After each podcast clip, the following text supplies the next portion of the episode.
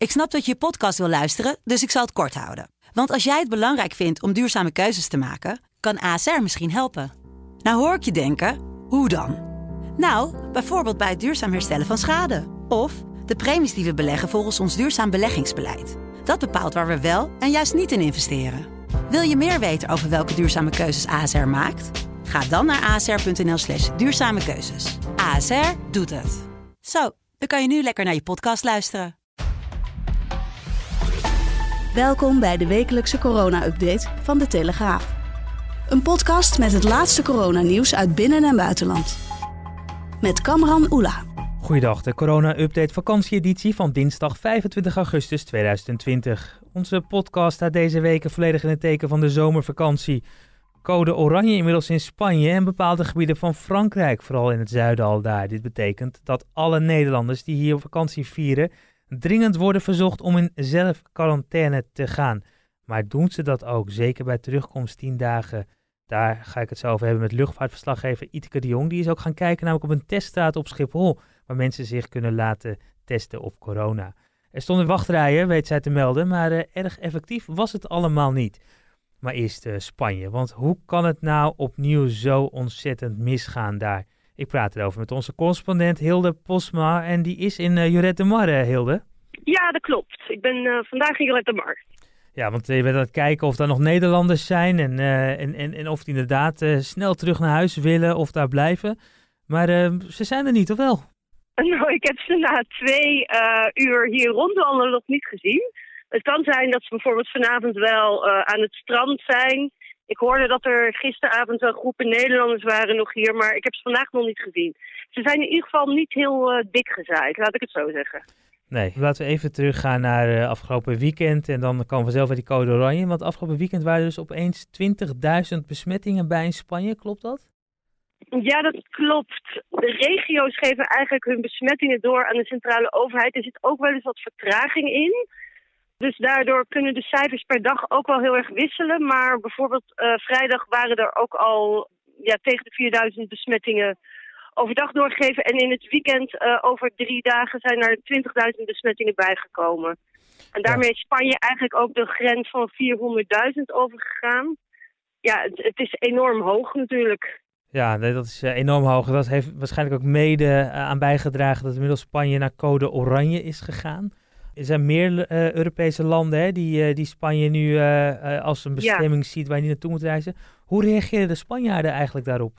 Ja, eigenlijk waren uh, Groot-Brittannië was natuurlijk in ieder geval al veel eerder en België ook. Vanuit Nederland was het natuurlijk mm -hmm. eigenlijk een gedeeltelijk oranje reisadvies.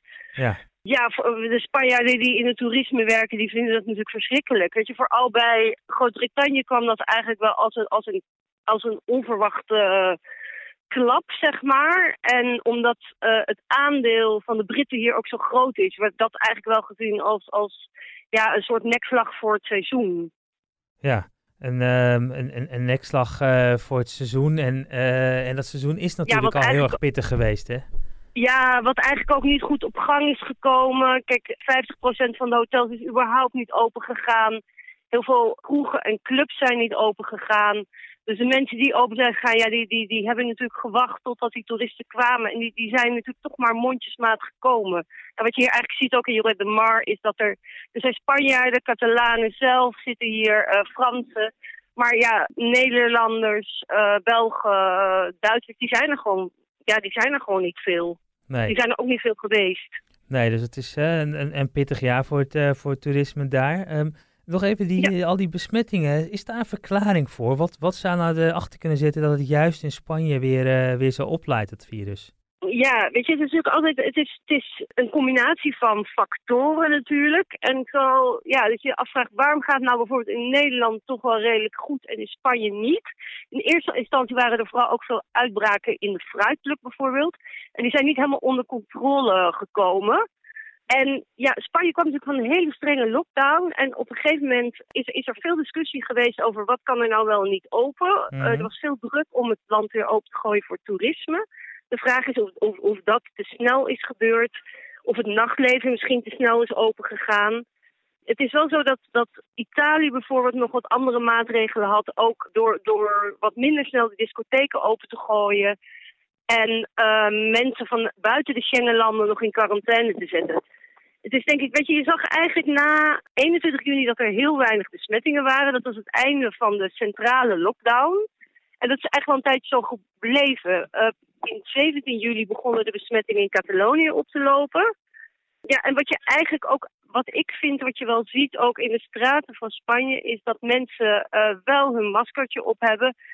Maar de andere regel van distantia, uh, afstand houden, dat ze die eigenlijk, ja, dat, dat lukt gewoon niet zo goed, dat afstand houden. En mensen zoenen elkaar ook nog wel. Dus ja, dat zijn toch allemaal dingen waarvan je denkt, het is misschien ook niet zo raar dat het dan weer een beetje misgaat. Ja, dat, is, dat, is dat beetje cultureel dat het, uh, dat, dat zo uh, gaat in Spanje? Dat, dat, dat, dat mensen misschien toch iets meer zijn van het knuffelen en, uh, en elkaar aanraken? Ja, dat is natuurlijk absoluut zo. Dat zou je de Spanjaard en de Catalaan ook altijd als verklaring horen geven.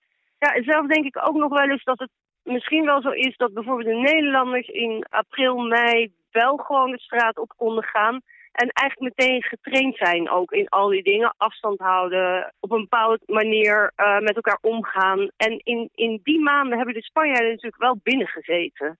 En ja. die zijn eigenlijk op een gegeven moment uh, ja, naar buiten gelaten. En, en toen kwamen al die regels pas. En toen kwam er aandacht voor die regels. En bij veel Spanjaarden leefde ook wel het idee van... nou, we hebben zo lang binnen gezeten, nu is het goed... en nu, nu verdienen we het ook wel weer om buiten te zijn. Je, ja. ziet, je ziet dat het moeilijker gaat om die regels goed in acht te nemen. Ja, dat, uh, dat zien we. En uh, wat, wat is je verwachting eigenlijk de komende tijd? De toerismesector die krijgt natuurlijk nog een hardere klap, zoals je dat net al uh, aangeeft. Maar wat, wat denk je dat de Spanjaarden nu gaan doen? Want die vrezen natuurlijk wel weer dat ze nou in lockdown moeten natuurlijk. Ja, kijk, een centrale lockdown zal er niet meer komen. Want waar eerder Spanje, de Spaanse regering deze beslissingen nam, is die beslissingsbevoegdheid nu aan de regio's overgedragen. En Pedro Sanchez heeft net gezegd dat de regio's op zich ook wel zelf nu een lockdown kunnen instellen als ze dat willen. Ja, en er zijn, je ziet per, per regio dat ze proberen onder controle te krijgen uh, met verschillende maatregelen. Ja, de, de mondkapjesplicht, daar wordt wel op gehamerd natuurlijk. Uh, dat is nu verplicht in het hele land, ook op straat. Je mag bijvoorbeeld niet roken op straat, want ze denken dat het virus daarmee uh, ook overgedragen kan worden.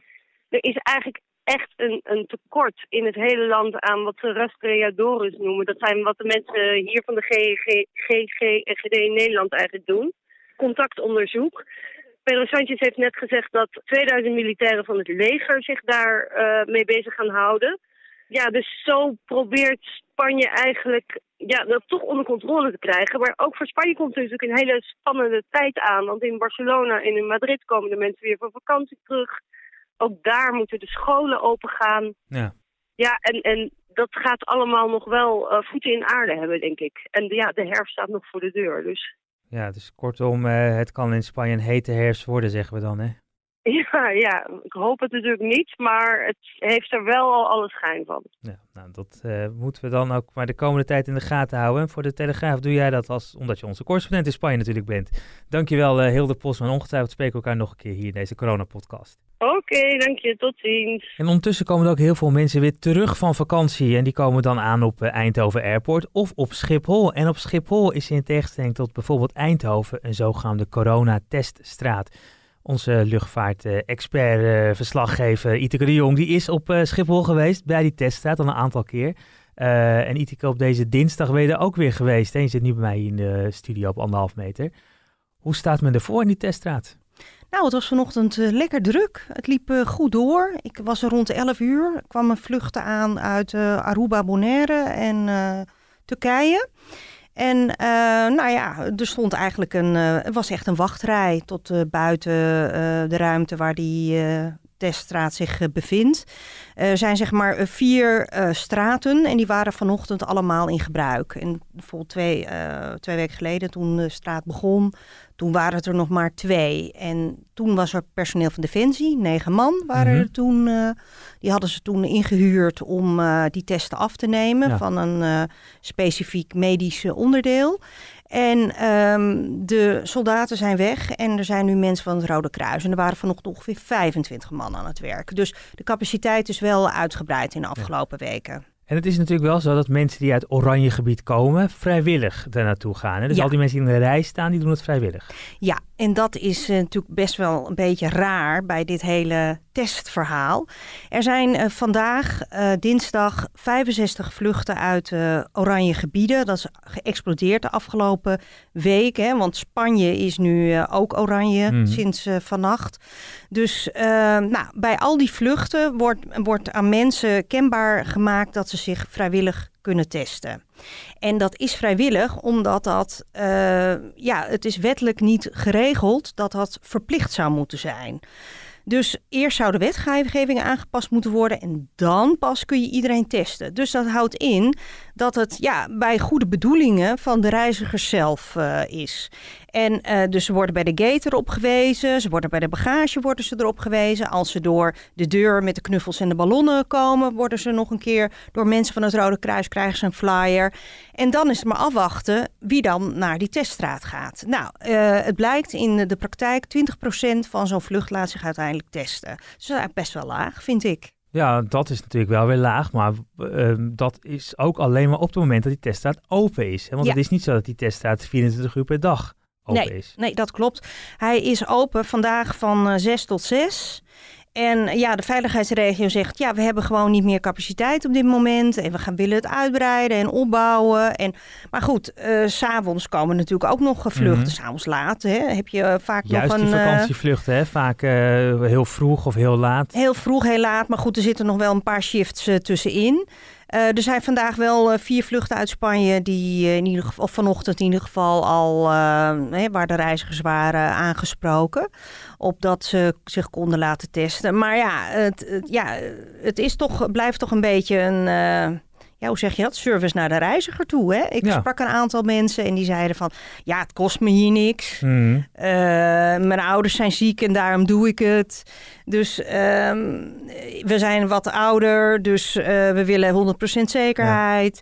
Dus, en, maar mensen die dat echt niet willen, ja, die eh, lopen gewoon door. Want kijk, je moet je natuurlijk wel eh, beseffen dat als je één keer zo'n test doet, hè, al is hij positief, al is hij negatief, je moet tien dagen in thuisquarantaine. Ja. En als jij overmorgen weer naar je werk moet, of de kinderen moeten naar school volgende week, ja, daar heb je natuurlijk geen zin in. Hè? Maar ook die thuisquarantaine is natuurlijk op vrijwillige basis. Ja, En eh, opvallend is dat eh, collega Nico van Sotten naar Eindhoven Airport was terwijl hij op Schiphol stond, waar geen teststraat is. En werkelijk iedere passagier die hij sprak, die uit Spanje terugkomt, die zegt, ik ga gewoon werken. Ik ga in thuisquarantaine. Ik voel me fijn. Eh, ik heb een mondkapje opgehad in Spanje, dus het kan me gestolen worden. Eh, zelfs verpleegkundigen die hij daar sprak, die zeggen, ik ga morgen gewoon weer werken.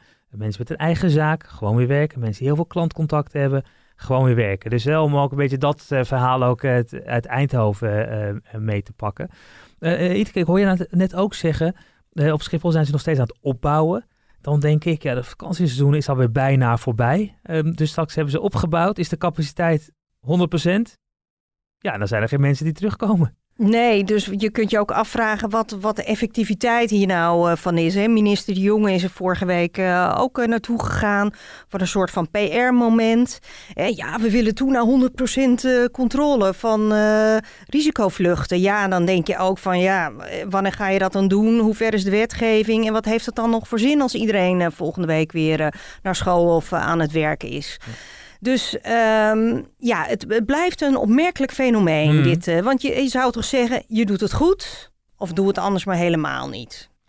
Ondertussen stijpelen ook alweer verhalen dat, uh, dat ook mensen besmet raken of worden in het vliegtuig. Hè? Ja. Ook uh, cabinepersoneel. jij hebt daar allerlei bronnen die dat aan jou melden. Kan je daar iets over vertellen? Nou ja, er is zorg over het, dat er toch een toenemend aantal besmettingen nu plaatsvinden bij uh, luchtvaartmaatschappijen. Um, ik heb het gehoord binnen Transavia.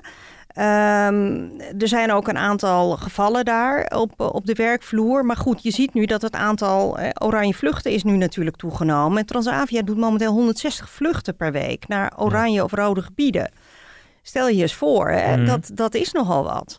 En um, nou ja, het punt is, zij hoeven niet uh, getest te worden, dat personeel. Want uh, als zij zich goed voelen. Want uh, het RIVM heeft gezegd van Als jij ehm, je draagt mondkapjes, er is luchtverversing aan boord, je houdt zoveel mogelijk afstand.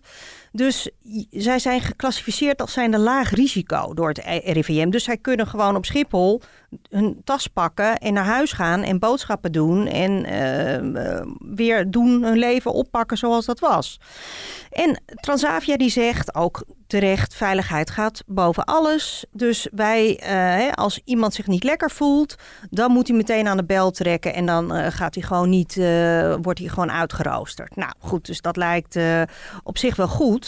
Um, en ook uit de cijfers tot nu toe blijkt. Hè, de minister heeft vorige week gezegd van nou zijn eigenlijk nauwelijks besmettingen die we hebben uh, geconstateerd hè, in de afgelopen tijd.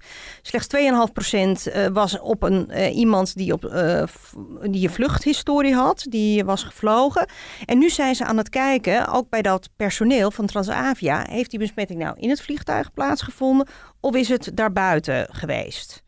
Dus um, nou ja, de aanwijzingen zijn eh, volgens Transavia, die kwam gisteren nogmaals bij mij op de lijn, die zeggen van nee, uh, wij hebben geen aanwijzingen dat dat aan boord is gebeurd. Hm. Dus um, ja, het is. Uh, het lijkt erop dat het toch redelijk veilig is vliegen. Ja. Maar goed, je zit nu natuurlijk wel hè, voor die luchtvaartmaatschappijen dan, mhm. met als gebieden oranje worden, dan wil er ook, hè, dan ga, ja, wie gaat er de nog naartoe? Personeel moet dan ook naar, naartoe. Hè? Dat is inderdaad, die, die, die dwing je, want dat is gewoon je werk. Ja, dus, uh, maar goed, ze verwachten dat toch wel, dat de, dat de animo wel af gaat nemen.